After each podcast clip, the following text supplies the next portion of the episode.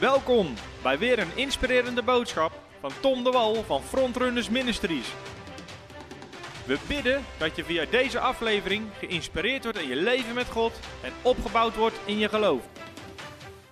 Ik wil het hebben over kan je je genezing of je bevrijding kwijtraken? En ik denk dat dit een heel belangrijk thema is. Ik heb er ook een boekje over geschreven. Dat boekje heet Schild van Geloof. En dat boekje heeft als ondertitel Verlies je wonden niet. En dit boekje kan je ook gratis bestellen in onze webshop. Uh, maar ik heb er nog nooit een onderwijsvideo over gemaakt. Nou, in dit boekje ga ik ook diep in op wat het schild van geloof is uit Efeze hoofdstuk 6. Ga ik niet doen in deze video. Ik wil het echt hebben over het stukje: kan je je genezing, kan je je bevrijding kwijtraken? Hoe voorkom je dat? En, um, en een stukje uitleggen over hoe dat werkt in de geestelijke wereld. Het ten eerste belangrijk is, is om te beseffen dat we dienen een wonderwerkende God. Ik begrijp werkelijk waar niet dat er christenen zijn die moeite hebben om te geloven dat God wonderen doet. En lieve mensen, heel veel mensen hebben hier moeite mee. Omdat ze functioneren vanuit hun verstand. Ook heel veel christenen. Dus wij zien dat ook keer op keer wanneer we getuigenissen posten. Mensen die zelf vertellen in een video: Ik was ziek, maar nu niet meer. Weet je waar heel veel christenen om vragen? Er is een bewijs van een arts. Als iemand zelf zegt: Ik was ziek, maar nu niet meer. Of ik had hier last van en dat is nu weg. Weet je, het is alsof die man uit de Bijbel die zei: Ik weet het niet, maar eens was ik blind, maar nu kan ik zien. Mensen zelf getuigen van hun wonder en nog steeds hebben christenen moeite om het te geloven. Maar we dienen een wonderwerkende God. Door de hele Bijbel heen, van Genesis tot Openbaring, lezen we over een wonderwerkende God die wonderen doet in de levens van mensen. En als jij dit kijkt en jij hebt een wonder nodig, heb ik een boodschap voor jou vanavond. God heeft een wonder voor jou. Of je nou een lichamelijk wonder nodig hebt, een emotioneel wonder, op welk gebied je ook een wonder nodig hebt. En daarom hebben we ook teams klaarzitten, ook nu om met je en voor je te bidden. Onze gebedslijnen zijn iedere dinsdagavond open. Als je belt naar het nummer wat in beeld komt, zitten de teams klaar van ons ministerteam om met je en voor je te bidden en met je in geloof staan. En er komen ook machtige getuigenissen van binnen van mensen die daarnaar bellen. Maar we dienen een wonderwerkende God. We dienen een God die geneest, we dienen een God die bevrijdt, we dienen een God die herstelt, we dienen een God die verlost. Dat is wie God is. En Jezus Christus is dezelfde gisteren, vandaag en tot in eeuwigheid. Leert de Bijbel ons in het Bijbelboek Hebreeën. Dus de wonderen die Jezus toen deed, doet hij vandaag nog steeds en hij doet ze volgende week nog steeds. Hij is dezelfde gisteren, vandaag en tot in eeuwigheid. Dus we dienen een wonderwerkende God. Maar we lezen soms ook in de Bijbel en soms hoor je getuigenissen of hoor je verhalen, ook vandaag de dag, van mensen die genezen waren of bevrijd waren, maar waarbij de ziekte of de gebondenheid weer terugkwam. En heel vaak als dat soort dingen gebeuren, dan reageren mensen en dan roepen mensen, oh dan was het vast geen echt wonder. Het was vast geen echt wonder, het was vast even psychisch. Hè? Psychisch dachten ze dat het weg was. Uh, of het was adrenaline. He, die mensen waren zo vol adrenaline dat ze de pijn niet meer voelden. Maar dat is weer dat redeneren, dat, dat, dat, dat wat zo mens-eigen is. Maar mensen zitten zo vast in hun verstand en ze proberen alles verstandelijk te verklaren. Maar dat is niet wat de Bijbel ons leert. De Bijbel leert ons namelijk, want christenen denken, oh, als het wonder weer weg is, was het geen echt wonder. Maar de Bijbel leert ons dat je ook een echt wonder kan kwijtraken. En het grootste Voorbeeld daarvan in de Bijbel is misschien wel het verhaal uit Matthäus hoofdstuk 14 van Petrus die over water wandelt. Jezus wandelt over water. Petrus roept, Heer, als u dat bent, zeg dan dat ik kan komen. En de Heer riep, kom. En Petrus stapte uit de boot en liep over water. Maar iedereen weet wat er gebeurde in dat verhaal. Petrus zakte namelijk door het water heen toen hij naar de golven en de wind begon te kijken. En Laat me dan je vragen, was dat geen echt wonder? Liep Petrus over water door de adrenaline? Liep Petrus over water omdat hij psychisch dacht dat dat even kon? Nee, dat was een echt wonder van God, maar hij raakte het kwijt. Hij verloor het, omdat hij keek naar de natuurlijke omstandigheden. En dat verhaal leert ons dat je echte wonderen kwijt kan raken. En er zijn meer verhalen in de Bijbel. En um, Net heb ik gelezen uit Matthäus hoofdstuk 14. Maar in Johannes hoofdstuk 5 lezen we over een man die 38 jaar verlamd is. Jezus komt naar hem toe en Jezus geneest hem. Een echt wonder. Maar let op wat Jezus zegt tegen deze man. In Johannes hoofdstuk 5, vers 38. Daar zegt Jezus het volgende. Wanneer hij die man ontmoet. In Johannes hoofdstuk 5, vers 38. Als je je Bijbel bij hebt, kan je hem erbij pakken. Kan je meelezen.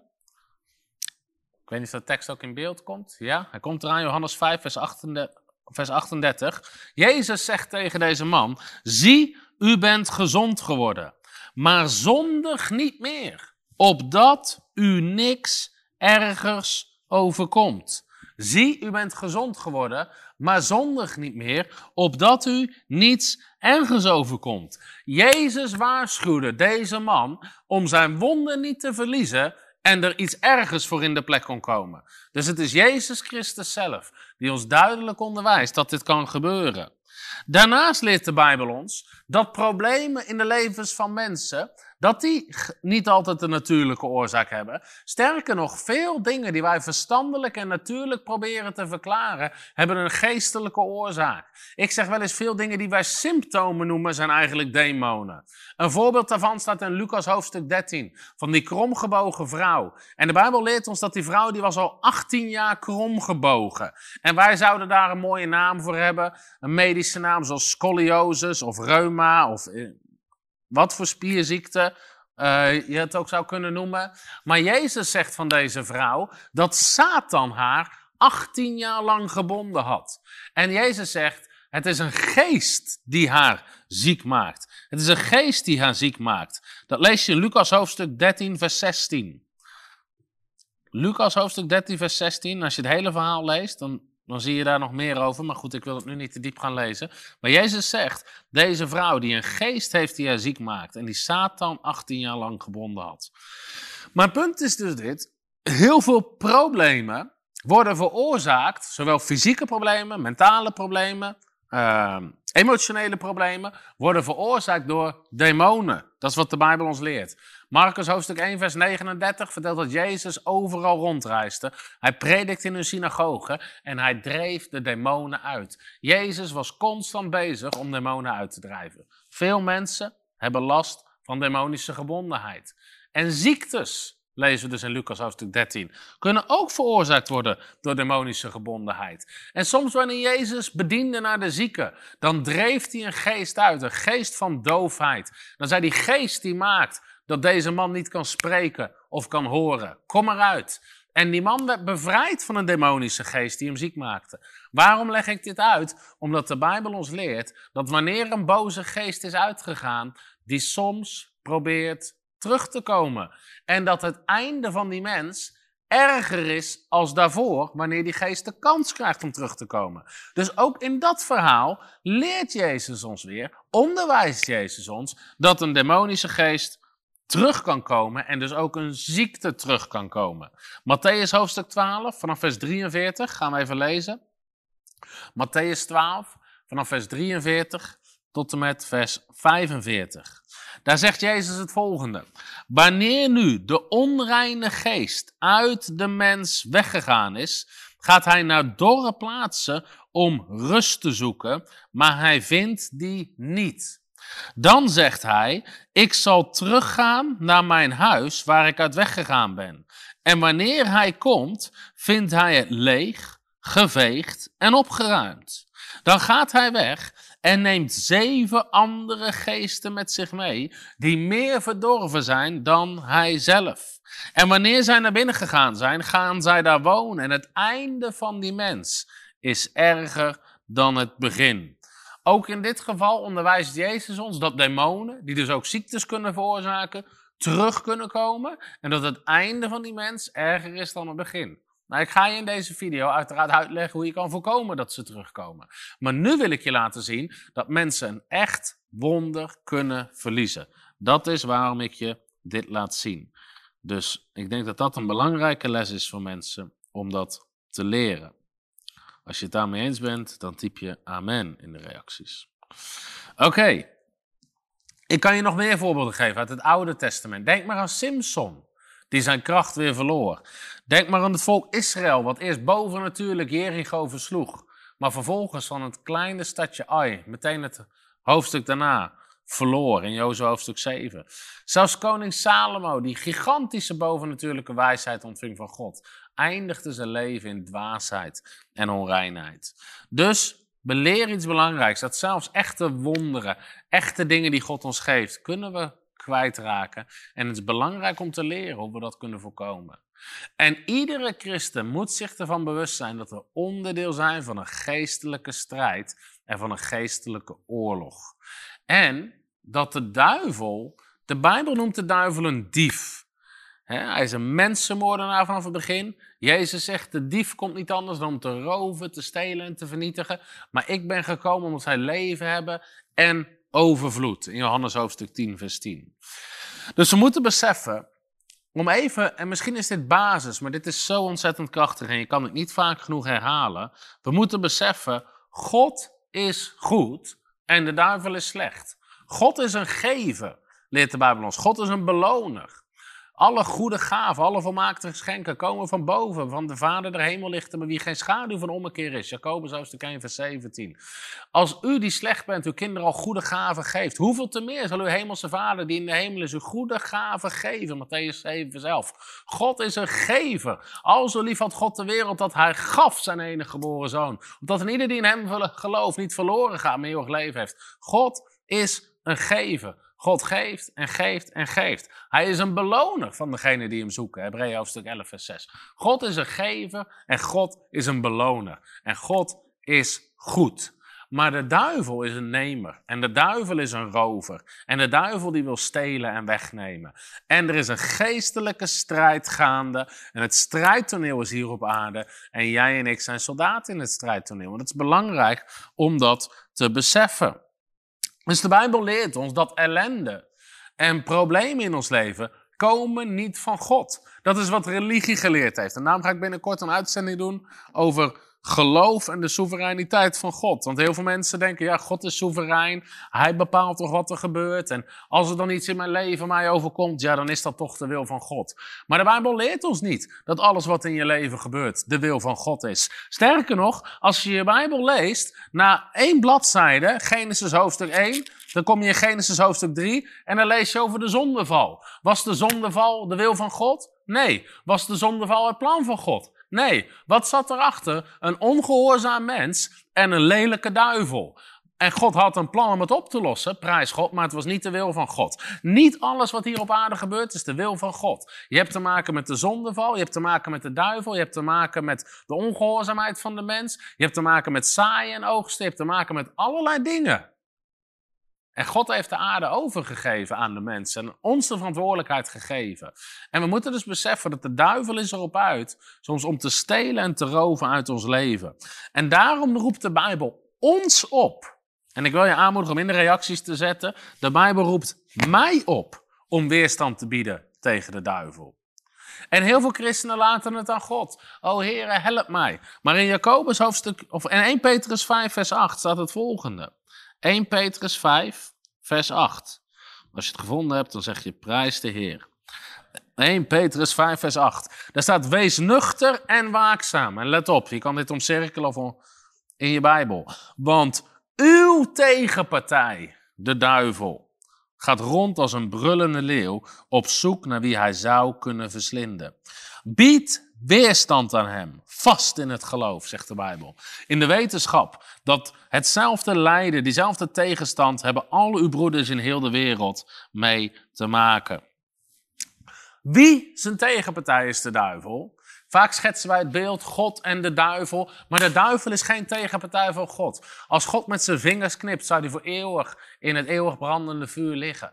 Weet je, de duivel is geen partij voor God. Op geen enkele manier. Als God blaast, is die, is, is die er niet meer. Maar zolang we hier nog op aarde zitten, zolang Jezus nog niet teruggekomen is, zolang we nog niet op de nieuwe hemel en nieuwe aarde leven en de duivel is hier op aarde geworpen, is hij onze tegenstander. Uw tegenpartij, de duivel, gaat rond Hij zoekt naar mensen om te kunnen verslinden, maar wij moeten weerstand bieden. Wij moeten weerstand bieden vast in het geloof. Daarom schrijft Paulus: strijd de goede strijd van het geloof. En dat is waar we met frontrunners mensen mee oproepen. Om die strijd van geloof te strijden. Om alles te ontvangen wat God voor je leven heeft. En de duivel een rotschop onder zijn lelijke kont te geven. Dat is niet echt iets wat je zegt. Op zijn lelijke kop. Maar goed, maakt niet uit. Je begrijpt wat ik bedoel. Halleluja. Waarom vertel ik dit? Jacobus 4, vers 7 zegt trouwens hetzelfde. Bied weerstand aan de duivel en hij zal van u wegvluchten. Vluchten. Jij moet weerstand bieden. Jij moet er iets tegen gaan doen. Dus, wanneer jij overwinning behaalt, wanneer je genezing ontvangt, wanneer je zegen ontvangt, wanneer je bevrijding ontvangt, Wanneer je overwinning ontvangt op een van de gebieden van je leven, zal de duivel soms proberen om dat weer te roven. Zal hij proberen om dat weg te nemen. Hij zal proberen om terug te brengen bij je wat je er voorheen ook had. En jij bent degene die weerstand moet bieden in geloof. En wat is de allerbelangrijkste les? Wat we leren, ook in het verhaal in Matthäus hoofdstuk 14. Daar lezen we namelijk dit. Matthäus 14, vers 30. Petrus die over water wandelde. Maar dan zegt de Bijbel dit. Maar toen hij op de sterke wind lette, werd hij bevreesd. Er kwam angst. Angst is de tegenpol van geloof. Daarom zei Jezus: vrees niet, geloof alleen. En toen begon hij te zinken. En hij riep: Heere, red mij. En Jezus stak meteen zijn hand uit, greep hem vast en zei: Kleingelovige, waarom heb je getwijfeld. Petrus ontving een wonder door geloof. Het was door geloof dat hij op water wandelde. Jezus zei: Kom. Hij hoorde het woord. Geloof komt door het horen. Hij handelde op het woord. Geloof zonder daad is dood. Hij handelde op geloof.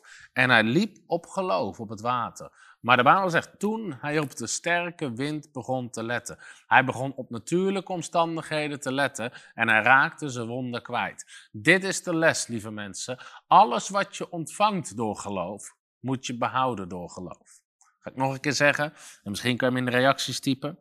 Alles wat je ontvangt in geloof, moet je behouden door geloof. Iemand vraagt in de reacties, of we nog een genezingsdienst doen? Ja. 26 en 27 november in Rotterdam hebben we een genezingsdienst. Maar, terug naar het onderwijs. Alles wat je ontvangt in geloof, moet je behouden door geloof. Ontvangen van God door geloof. Jij zegt, jouw geloof heeft je genezen. In Marcus hoofdstuk 5, vers 36 en heel veel andere teksten leg ik uit in mijn boek, ook gratis. Alles wat we doen is gratis. Uh, geloof voor het onmogelijke leg ik uit hoe geloof werkt. In mijn boek Jezus aanraken, hoe je genezing ontvangt door geloof. Maar alles wat je ontvangt door geloof, moet je behouden door geloof. En daarom zegt de Bijbel, wij wandelen door geloof en niet door aanschouwen. Dus wij moeten ook leren, niet alleen om een wonder te ontvangen, maar zelfs om een wonder te behouden. En dat is niet moeilijk, het is ook niet zwaar. Ik ga je uitleggen hoe de duivel ziekte wil laten terugkomen. Ik herinner me een gemeente waar ik sprak in het noorden van Nederland, redelijk in het noorden. En um, in Noord-Holland. En ik sprak in die gemeente en ik sprak over gebed en geloof. En aan het eind ging ik bidden voor mensen, bedienen naar mensen. En er kwam een vrouw naar voren met krukken. En ik herinner me niet exact waar ze voor kwam. Uh, ze vroeg niet meteen specifiek genezing. Maar ik zei, waarom loop je op krukken? En ze vertelde dat er was iets aan de hand, ik weet niet meer precies wat. Maar ze had heel veel pijn met lopen. Dus ik zei, ik zeg, zullen we bidden in geloof? Dat je pijn verdwijnt en autoriteit nemen over die ziekte. En ze zei, ja, is goed. En ik pakte haar kruk af, ik pakte de handen beet. Ik bad een simpel gebed en ik nam autoriteit. Ik zeg, in de naam van de Heer Jezus Christus gebied ik alle pijn uit je lichaam te gaan. Dat je zal wandelen zonder pijn op dit moment, in Jezus' naam. En ik pakte haar bij de hand en zeg, kom, wandel. En, en ze liep. En ze liep pijnvrij. En ik had de krukken vast en zij liep. En ze was helemaal in shock dat ze geen pijn had. En ze liep een aantal keer en zegt, ik heb geen pijn, ik heb geen pijn, ik heb geen pijn. En dit is wat er gebeurde. Ik gaf haar de krukken terug. En ze ging terug naar de stoel. En ze zegt letterlijk, het was vooraan. Zegt ze, ja, maar dit kan toch niet? Dit kan toch niet? Dit kan toch niet? En ze pakt zelf de krukken weer beet. En boem, die ziekte komt terug. En die vrouw, binnen een aantal minuten, was ze het weer kwijt. Terwijl God deed daarvoor een wonder voor. Maar het wonder ging eigenlijk op grond van mijn geloof. Ik had geloof voor haar genezing. Zelf kwam ze niet eens voor genezing. Maar meteen door de woorden uit haar mond. Dood en leven is in de macht van de tong. Dit kan toch niet, dit kan toch niet, dit kan toch niet. Boom. En die ziekte kwam terug. Ze kon het niet geloven. Daarom zeg ik, alles wat je ontvangt door geloof, moet je behouden door geloof. En de duivel was als de kippen bij om die vrouw weer terug te brengen waar ze was. En daarom is het niet alleen belangrijk om te bidden voor zieken, daarom prediken we het woord. In iedere genezingsdienst prediken we het woord. We delen boeken uit, we sturen mensen video's toe. Want Jezus zegt, je zal de waarheid kennen en de waarheid zal je vrijzetten. En dat is wat mensen nodig hebben. Maar het is een voorbeeld van hoe de duivel ziekte terug wil laten komen. En ik zal er nog een aantal voorbeelden van geven. Omdat het is altijd dezelfde manier wat de duivel doet. En als wij leren wat hij doet, kunnen we makkelijk weerstand bieden uh, in geloof. Nou, ik vergeet nooit, jaren geleden in Nederland, en hier was ik zelf uh, niet bij, maar uh, er was iemand in een rolstoel op een bekende Nederlandse conferentie. En een groep evangelisten sprak die persoon aan en bad voor die man. En die man stond op uit zijn rolstoel en was genezen. Die man die altijd pijn had, stond op uit zijn rolstoel en hij was genezen. En hij getuigde tegenover een grote groep mensen dat hij genezen was van zijn ziekte, dat hij zijn rolstoel niet nodig had. En het was een groot getuigenis. En een aantal maanden later besloot een journalist om die man op te zoeken. Uh, en wat bleek, die man zat weer terug in zijn rolstoel. Hij was weer terug bij af. En in allerlei kranten en artikelen werd erover geschreven. En dezelfde reactie kwam die ik schetste aan het begin. Het was toch geen echt wonder. Weet je wel, het is geen echt wonder. Het was vast even adrenaline. Het was vast even psychisch. Het was vast even mentaal, waardoor die man toen kon wandelen zonder pijn. Maar, uh, maar het was toch geen echt wonder. Maar het verhaal van die man, en in dat interview zelf, vroegen ze aan die man, wat is er gebeurd? En hij vertelde hoe ze voor hem gebeden was. Hij was genezen, had geen pijn meer. En dat ging een aantal weken. Best wel een lange tijd. Liep hij zonder... Hij had geen rolstoel nodig. Hij was gewoon genezen. Maar ze die interviewer vroegen ook van, uh, hoe ziet verder je geloofsleven uit? Het bleek, die man had geen kerk. Uh, hij vond de kerk in, in de buurt niet echt goed en bla bla bla. Had al wat dingen op aan te merken. Dus hij was verder niet heel actief bezig met geloof. En na, volgens mij na een, na een maand of na een week of zes, op een gegeven moment voelde hij weer iets. En hij zegt: Ik voelde in één keer weer pijn, een pijnscheut in mijn lichaam. En het eerste wat ik zei was: Oh, het zal toch niet terugkomen? En hij voelde nog een pijnscheut. En hij zei: Oh nee, het is terug. En binnen een paar dagen ging die man van totaal genezen naar terug in zijn rolstoel. En mensen zeiden, het was toch geen echt wonder. Jawel, het was een echt wonder, maar hij raakte kwijt door ongeloof en twijfel wat God hem had gegeven. Omdat de duivel hem kon verleiden om van het gebied van geloof naar het gebied van gevoel te gaan. En de duivel doet altijd hetzelfde op dit gebied. En daarom onderwijs ik dit ook, ook voor mensen die in genezingsdiensten komen. De duivel probeert altijd namelijk om een paar symptomen of een paar dingen bij je terug te laten komen. In de hoop ten eerste dat die persoon gaat twijfelen aan het wonder. Zoals Petrus begon te twijfelen toen hij op de wind en op de golven ging letten. Die persoon die gaat twijfelen en die gaat wandelen naar gevoel in plaats van geloof. En wat doen mensen? Ze snappen niet dat dood en leven in de macht van de tong is. En dat zij autoriteit hebben. En ze zeggen: zie je, het is terug. Zie je, het komt terug. Let maar op, het komt terug. En met de woorden uit hun mond geven ze gewoon hun wonder weg. En uiteindelijk zijn ze weer terug bij af. En dit is altijd hetzelfde patroon wat de duivel probeert. Hij probeert je uit geloof naar gevoel met een paar symptomen. Hij, en, uh, dus hij probeert symptomen terug te brengen. Hij trekt je naar je gevoel en mensen spreken het uit, ze stemmen in en uiteindelijk zijn ze weer terug bij af. Dat is wat de duivel uh, doet. En daarom waarschuwt Jezus ons in Lucas hoofdstuk 8, vers 12. En daarom nodig ik altijd iedereen uit bij onze genezingsdiensten. mensen die genezen zijn, lees, en ook met iedereen, lees het boekje Schild van Geloof. En lees het boekje Jezus aanraken. Waarom? In deze boekjes onderwijzen we het woord van God. En wat probeert de duivel? Wat is het eerste wat de duivel steelt uit je leven? Is het woord van God. Lucas 8, vers 12, daar zegt de Bijbel dit. Zij, bij wie langs de weg gezaaid wordt, zijn het die horen, maar daarna komt de duivel en neemt het woord uit hun hart weg. Zie je wat de duivel steelt? Hij neemt het woord weg. En als hij het woord kan stelen, dan heb je niks om je geloof te baseren. En daarom, lieve mensen, bouw je geloof op het woord van God. Bouw je geloof op wat God zegt in zijn woord. En laat dit de allerhoogste waarheid zijn in je leven. Niet wat je ziet, niet wat je voelt, niet wat je denkt, niet wat andere mensen zeggen, maar wat God, de schepper van hemel en aarde, zegt. Want zijn woord, zegt Bijbel, is hoog verheven. Ik heb twee preken van de laatste Greater Faith over de kracht en de autoriteit van het woord van God. Ik wil je aanmoedigen om die te luisteren.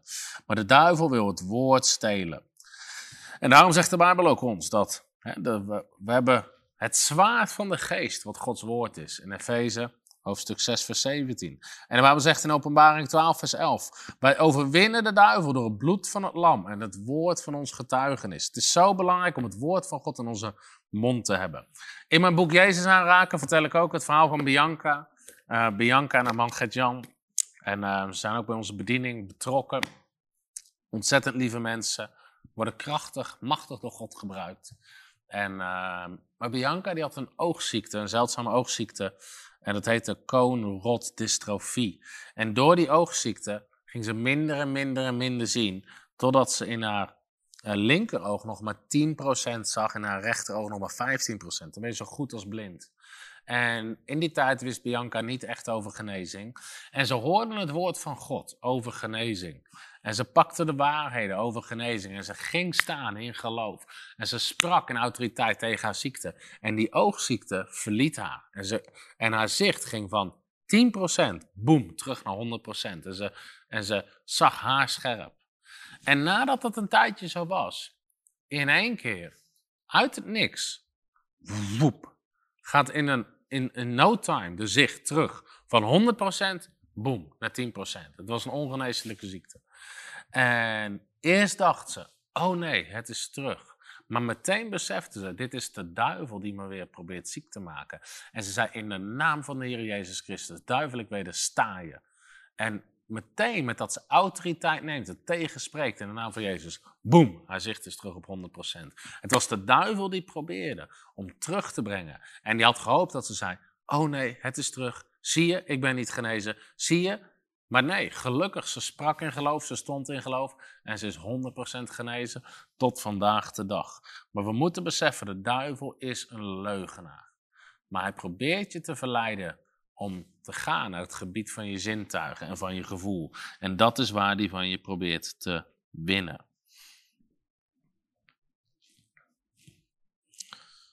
Ook in mijn eigen leven. Mijn familie was hooikoorts, een behoorlijk dingetje. En uh, mijn vader, mijn broers hadden allemaal ernstige vormen van hooikoorts. En zo ernstig dat we soms in de zomer ze niet eens buiten konden komen.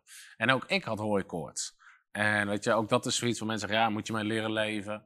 En we woonden ook nog eens een keer uh, op het platteland. Dus we woonden midden in de polder tussen de weilanden. En dus iedere zomer was het raak. En, uh, maar toen ik wedergeboren werd en ik leerde deze principes over het woord van God en genezing, toen dacht ik, weet je wat, ik hoef niet langer met hooikoorts te leven. Dus ik ging in geloof staan uh, om van mijn hooikoorts af te komen. En dit was niet van de een op de andere dag.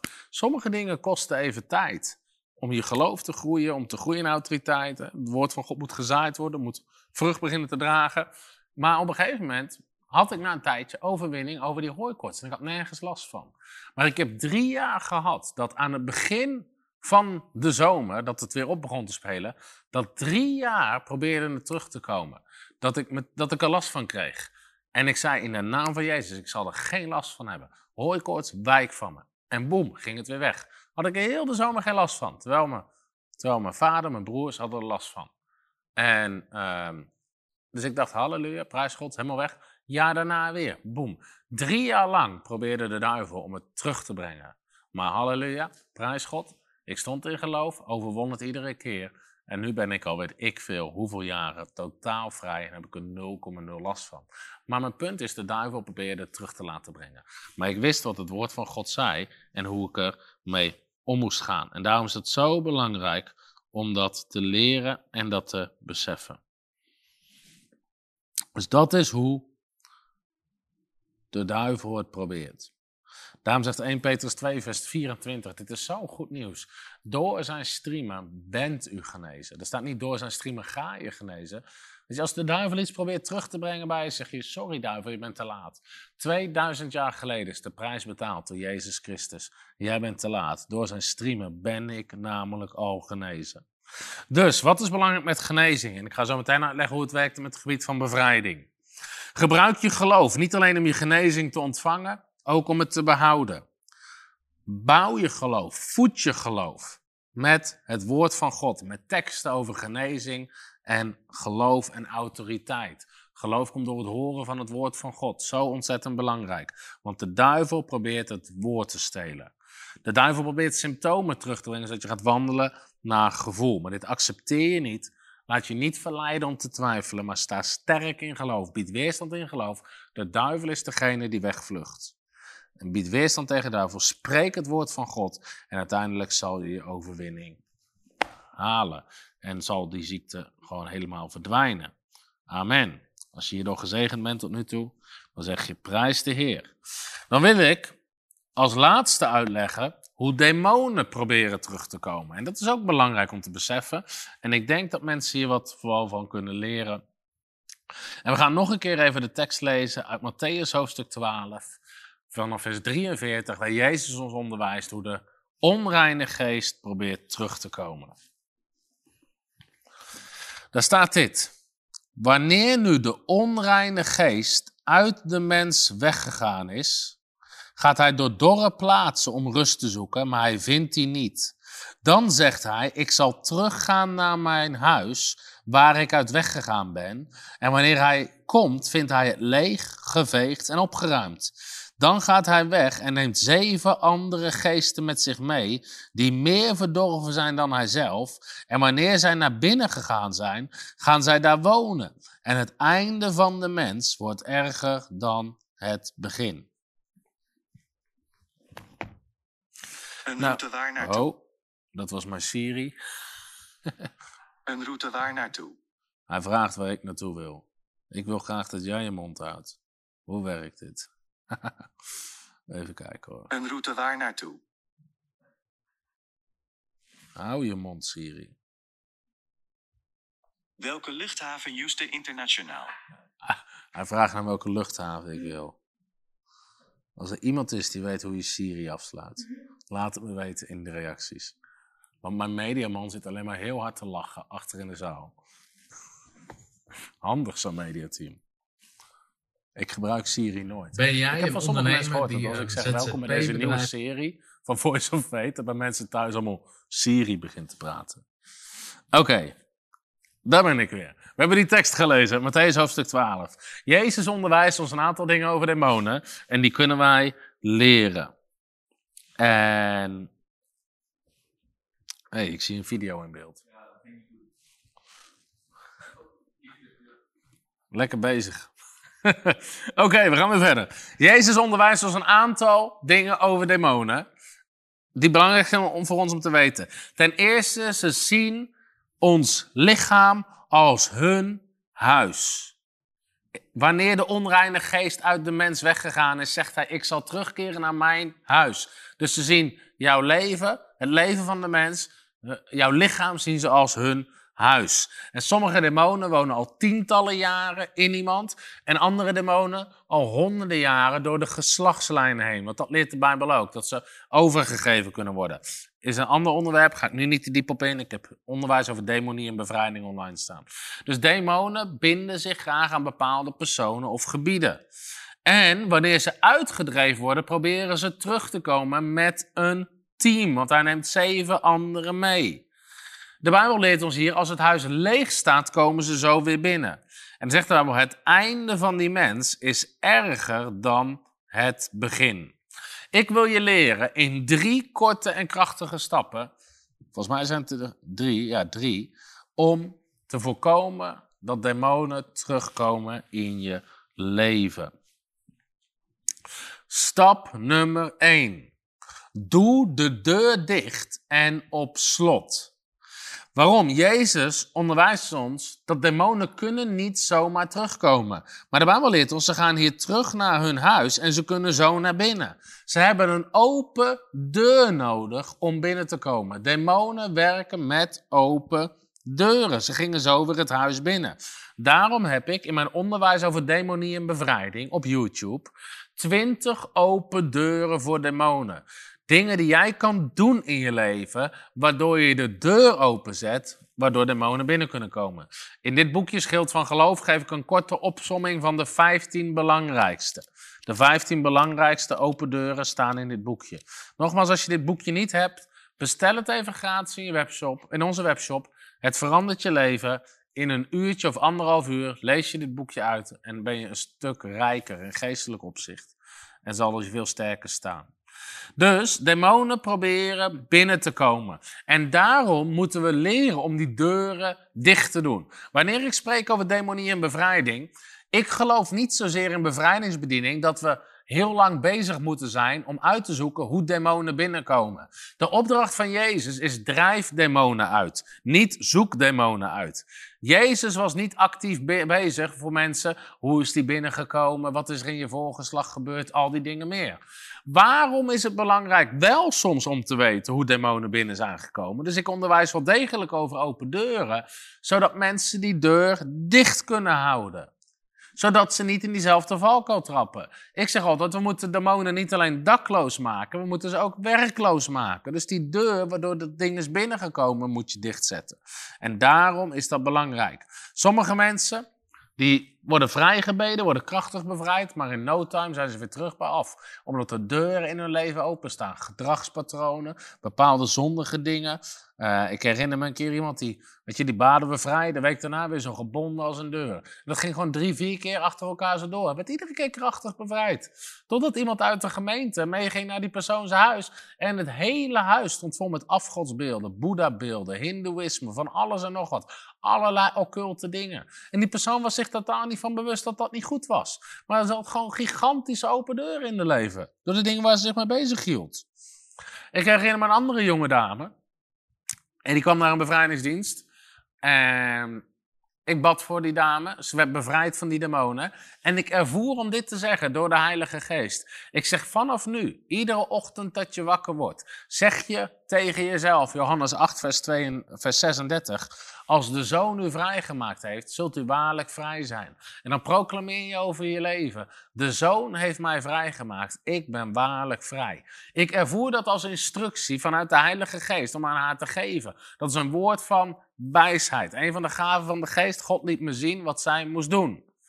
En die jonge dame, een aantal maanden zag ik haar niet. En in één keer was ze hier weer voor een bevrijdingsdienst. En ze zei, ik ben weer gebonden. Ik heb weer last van diezelfde demonen. En ik zie ontzettend veel mensen, honderden per week, duizenden per maand door alle diensten. En, maar ik, meestal herinner ik me mensen niet, maar haar herinnerde ik. En ik werd herinnerd aan wat ik had gezegd tegen haar.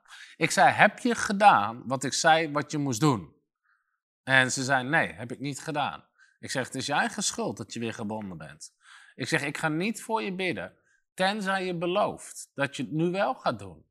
En ze zei, is goed, ik ga het nu wel doen. Dus ik bad voor haar, nam autoriteit over die demonen, hetzelfde. Ze werd bevrijd van die demonen, werd krachtig bevrijd. En vanaf dat moment deed ze het wel. En iedere ochtend. En dit was voor haar, om haar denken te vernieuwen en haar geloof te bouwen. Zei ze, de zoon heeft mij vrijgemaakt en ik ben waarlijk vrij. En de laatste keer dat ik er sprak, zei ze: Halleluja, ik ben totaal vrij gebleven. Zie je, dat was een woord van wijsheid, een woord van instructie, wat de Heilige Geest haar gaf om vrij te blijven. Dus stap 1 is: doe die deur dicht, waardoor demonen binnen zijn gekomen. Dat heeft te maken met bekering en verandering. Als mensen dat niet doen, heeft het niet heel veel zin om demonen uit te drijven.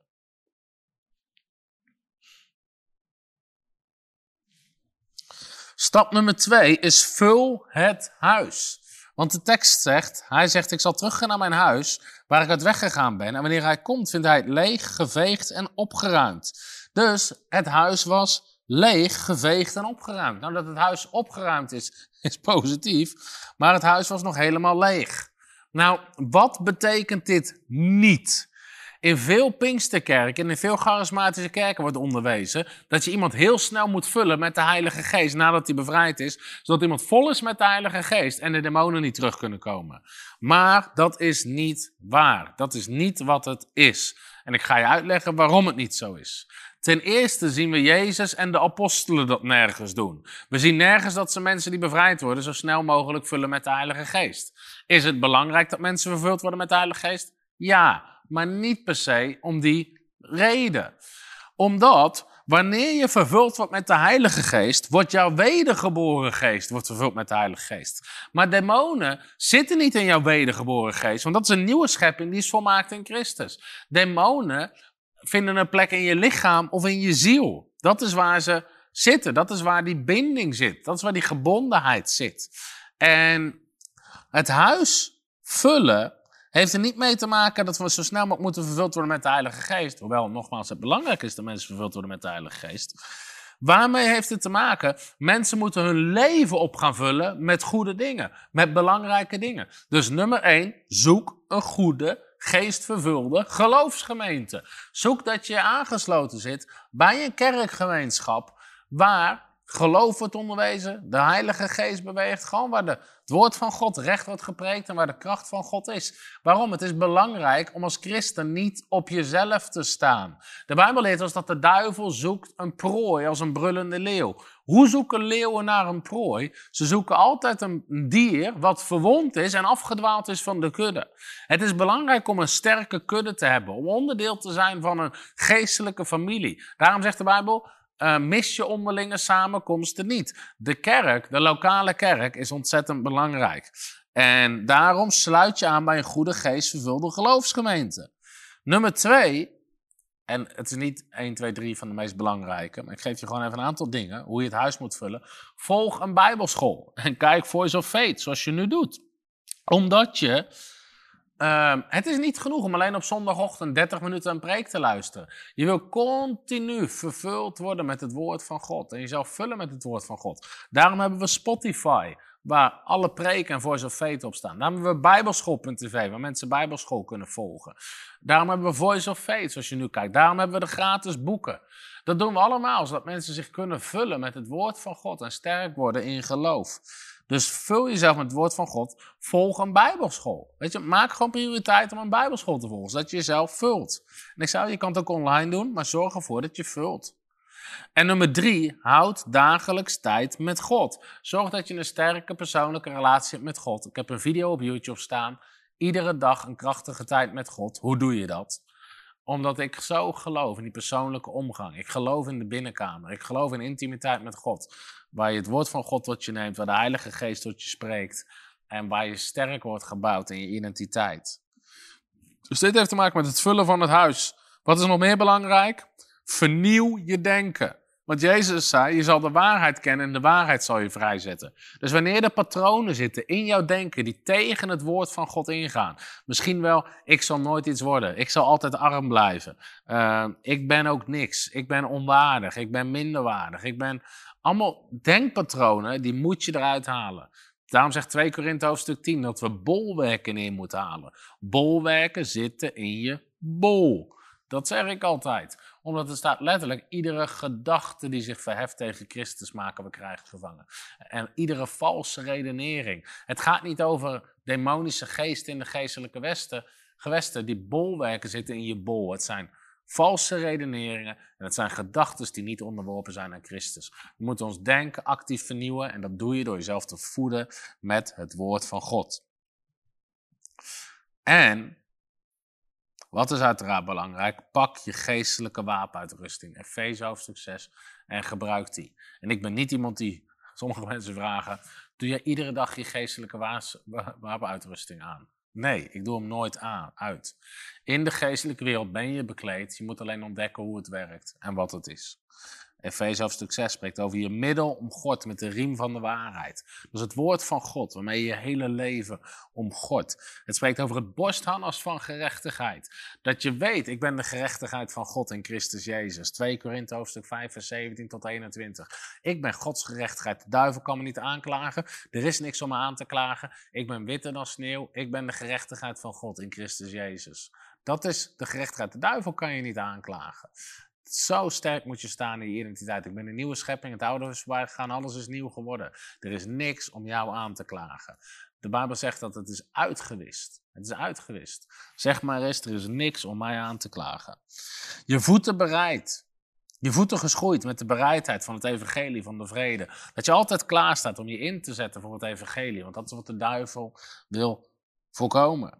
De helm van zaligheid, dat is het Griekse woord soteria, wat betekent redding, genezing, bevrijding. Dat je hele denken beschermd is met waar God jou vrijgekocht van heeft. Zodat je beschermd wordt tegen die leugens en tegen die aanvallen van de duivel. Het gewoon poem afketst op je helm. Dan heb je het zwaard van de geest, dus het woord van God. Dus je spreekt het woord van God over jouw leven, over jouw kinderen, over jouw situaties. Je spreekt het woord van God en het is een zwaard in de geestelijke wereld. En je hebt je schild van geloof. Daarom heet dit boekje Schild van Geloof. Jouw geloof is een schild wat alle vurige pijlen blust. Als de duivel een leugen, een aanval op je afschiet, het enige wat je hoort is omdat het landt op je schild van geloof. Dus je moet geloof hebben in de beloftes uit Gods woord. En wanneer de duivel iets zegt, um, bijvoorbeeld jij zal, als het gaat om gebondenheid, jij zal nooit van die verslaving afkomen. Dat meteen jouw geloof zegt, nee, ik ben vrijgekocht door de zoon en ik zal waarlijk vrij zijn. En boem, zo'n pijl blust op jouw schild van geloof. Dus pak je geestelijke wapenuitrusting. Dus stap 1 is, doe de deur dicht. Stap 2 is, vul het huis. Vul het huis. En dat doe je door die dingen die ik net zei. Ik zal ze nog een keer opsommen, zodat het onderwijs duidelijk is. Sluit je aan bij een goede geestvervulde gemeente. Volg een bijbelschool, extra onderwijs. Houd dagelijks tijd met God. Vernieuw je denken en gebruik je geestelijke wapenuitrusting. En als laatste, de stap 3. De stap 1 is vul het huis. Of doe de deur dicht. Stap 2 is vul het huis. Stap 3 is ken je identiteit en je autoriteit in Christus. Ken je identiteit en je autoriteit in Christus. Het is zo belangrijk om te weten wat jouw identiteit is. En daarom wil ik je aanmoedigen om mijn boek Supermens te lezen. Dit is een wat dikke boek, maar dit is zo'n fundamentboek voor je geloofsleven. Waar ik uitleg wie jij bent in de geestelijke wereld. Wie die nieuwe schepping is. Dat is namelijk een supermens. Dat is een bovennatuurlijk schepsel. Een nieuwe schepping. Jij bent de gerechtigheid van God in Christus Jezus. Je bent vergeven. Je bent geheiligd. Je bent gerechtvaardigd. Je bent zonder zonde. Je, weet je, de Bijbel zegt, je bent onberispelijk. Voor eens en voor altijd geheiligd. Dat is je identiteit in Christus. Dat heb je ontvangen. Daar moet je op mediteren. Dan moet je jezelf eigen maken. En daar schrijf ik over in dit boek. Je identiteit in Christus, maar ook je autoriteit in Christus. Lucas 10, vers 19. Je zal op slangen en schorpioenen treden, op de gehele legermacht van de vijand. En niets zal jou schade toebrengen. Jezus heeft overheden en machten ontwapend. Hem is gegeven alle macht in hemel en op aarde. Hij is gezeten aan de rechterhand van God en jij bent gezeten met hem. Efeze 2, vers 6. Ver boven alle overheid en kracht en macht en heerschappij. En iedere naam die genoemd wordt. Niet alleen in deze wereld, maar ook in de komende wereld. Halleluja. Er zijn zoveel teksten die spreken over onze autoriteit in Christus. Hij die in je woont is sterker dan hij die in de wereld is. Jij hebt autoriteit over de duivel, over demonen. Jij bent in de geestelijke wereld zoveel meer. Je bent gezeten met Christus. Je hebt zijn autoriteit gekregen. De duivel is verslagen en ontwapend. Halleluja. En jij bent een overwinnaar. Maar je moet weten wat je identiteit en autoriteit in Christus is, zodat demonen je niks kunnen maken.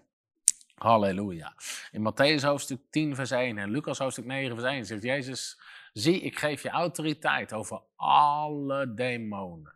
Er is geen demon sterker dan jou. Jij bent sterker dan alle demonen. Ze zijn onder je voeten.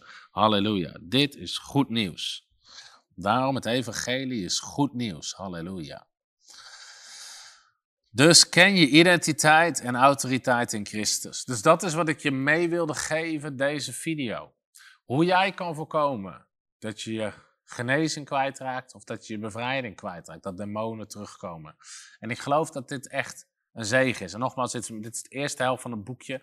En verderop ga ik in over het schild van geloof, hoe dat precies werkt, hoe je dat hanteert. Dus ik wil je nogmaals aanmoedigen, pak dit boekje. Maar ik hoop, ik bid dat je gezegend bent. En ik denk dat je inziet dat dit belangrijk onderwijs is voor iedere christen om tot zich te nemen. Als we willen ontvangen alles wat God voor ons leven heeft. Amen. Dus ik hoop dat je gezegend bent. Als je zegt, ik ben gezegend door Frontrunners, door dit onderwijs, maar je bent nog geen partner van Frontrunners, wil ik je van harte uitnodigen om maandelijks partner te worden. Op die manier help je ons mee om nog veel meer mensen te bereiken. En het goede nieuws is, partnerschap is een hemels ding. De Bijbel leert ons in Lucas hoofdstuk 8 dat Jezus had partners bij zijn bediening. Mensen die continu in zijn bediening zaaiden, waardoor Jezus nog meer mensen kon bereiken. Paulus had partners. Ik heb er een boekje over geschreven. Het boekje heet Leven doorgeven. Ehm, en we zijn zo dankbaar voor alle partners. En wij staan in geloof dit jaar voor verdubbeling van aantal partners, zodat we nog meer kunnen doen voor het Koninkrijk van God. We zijn een nieuw gebouw aan het bouwen.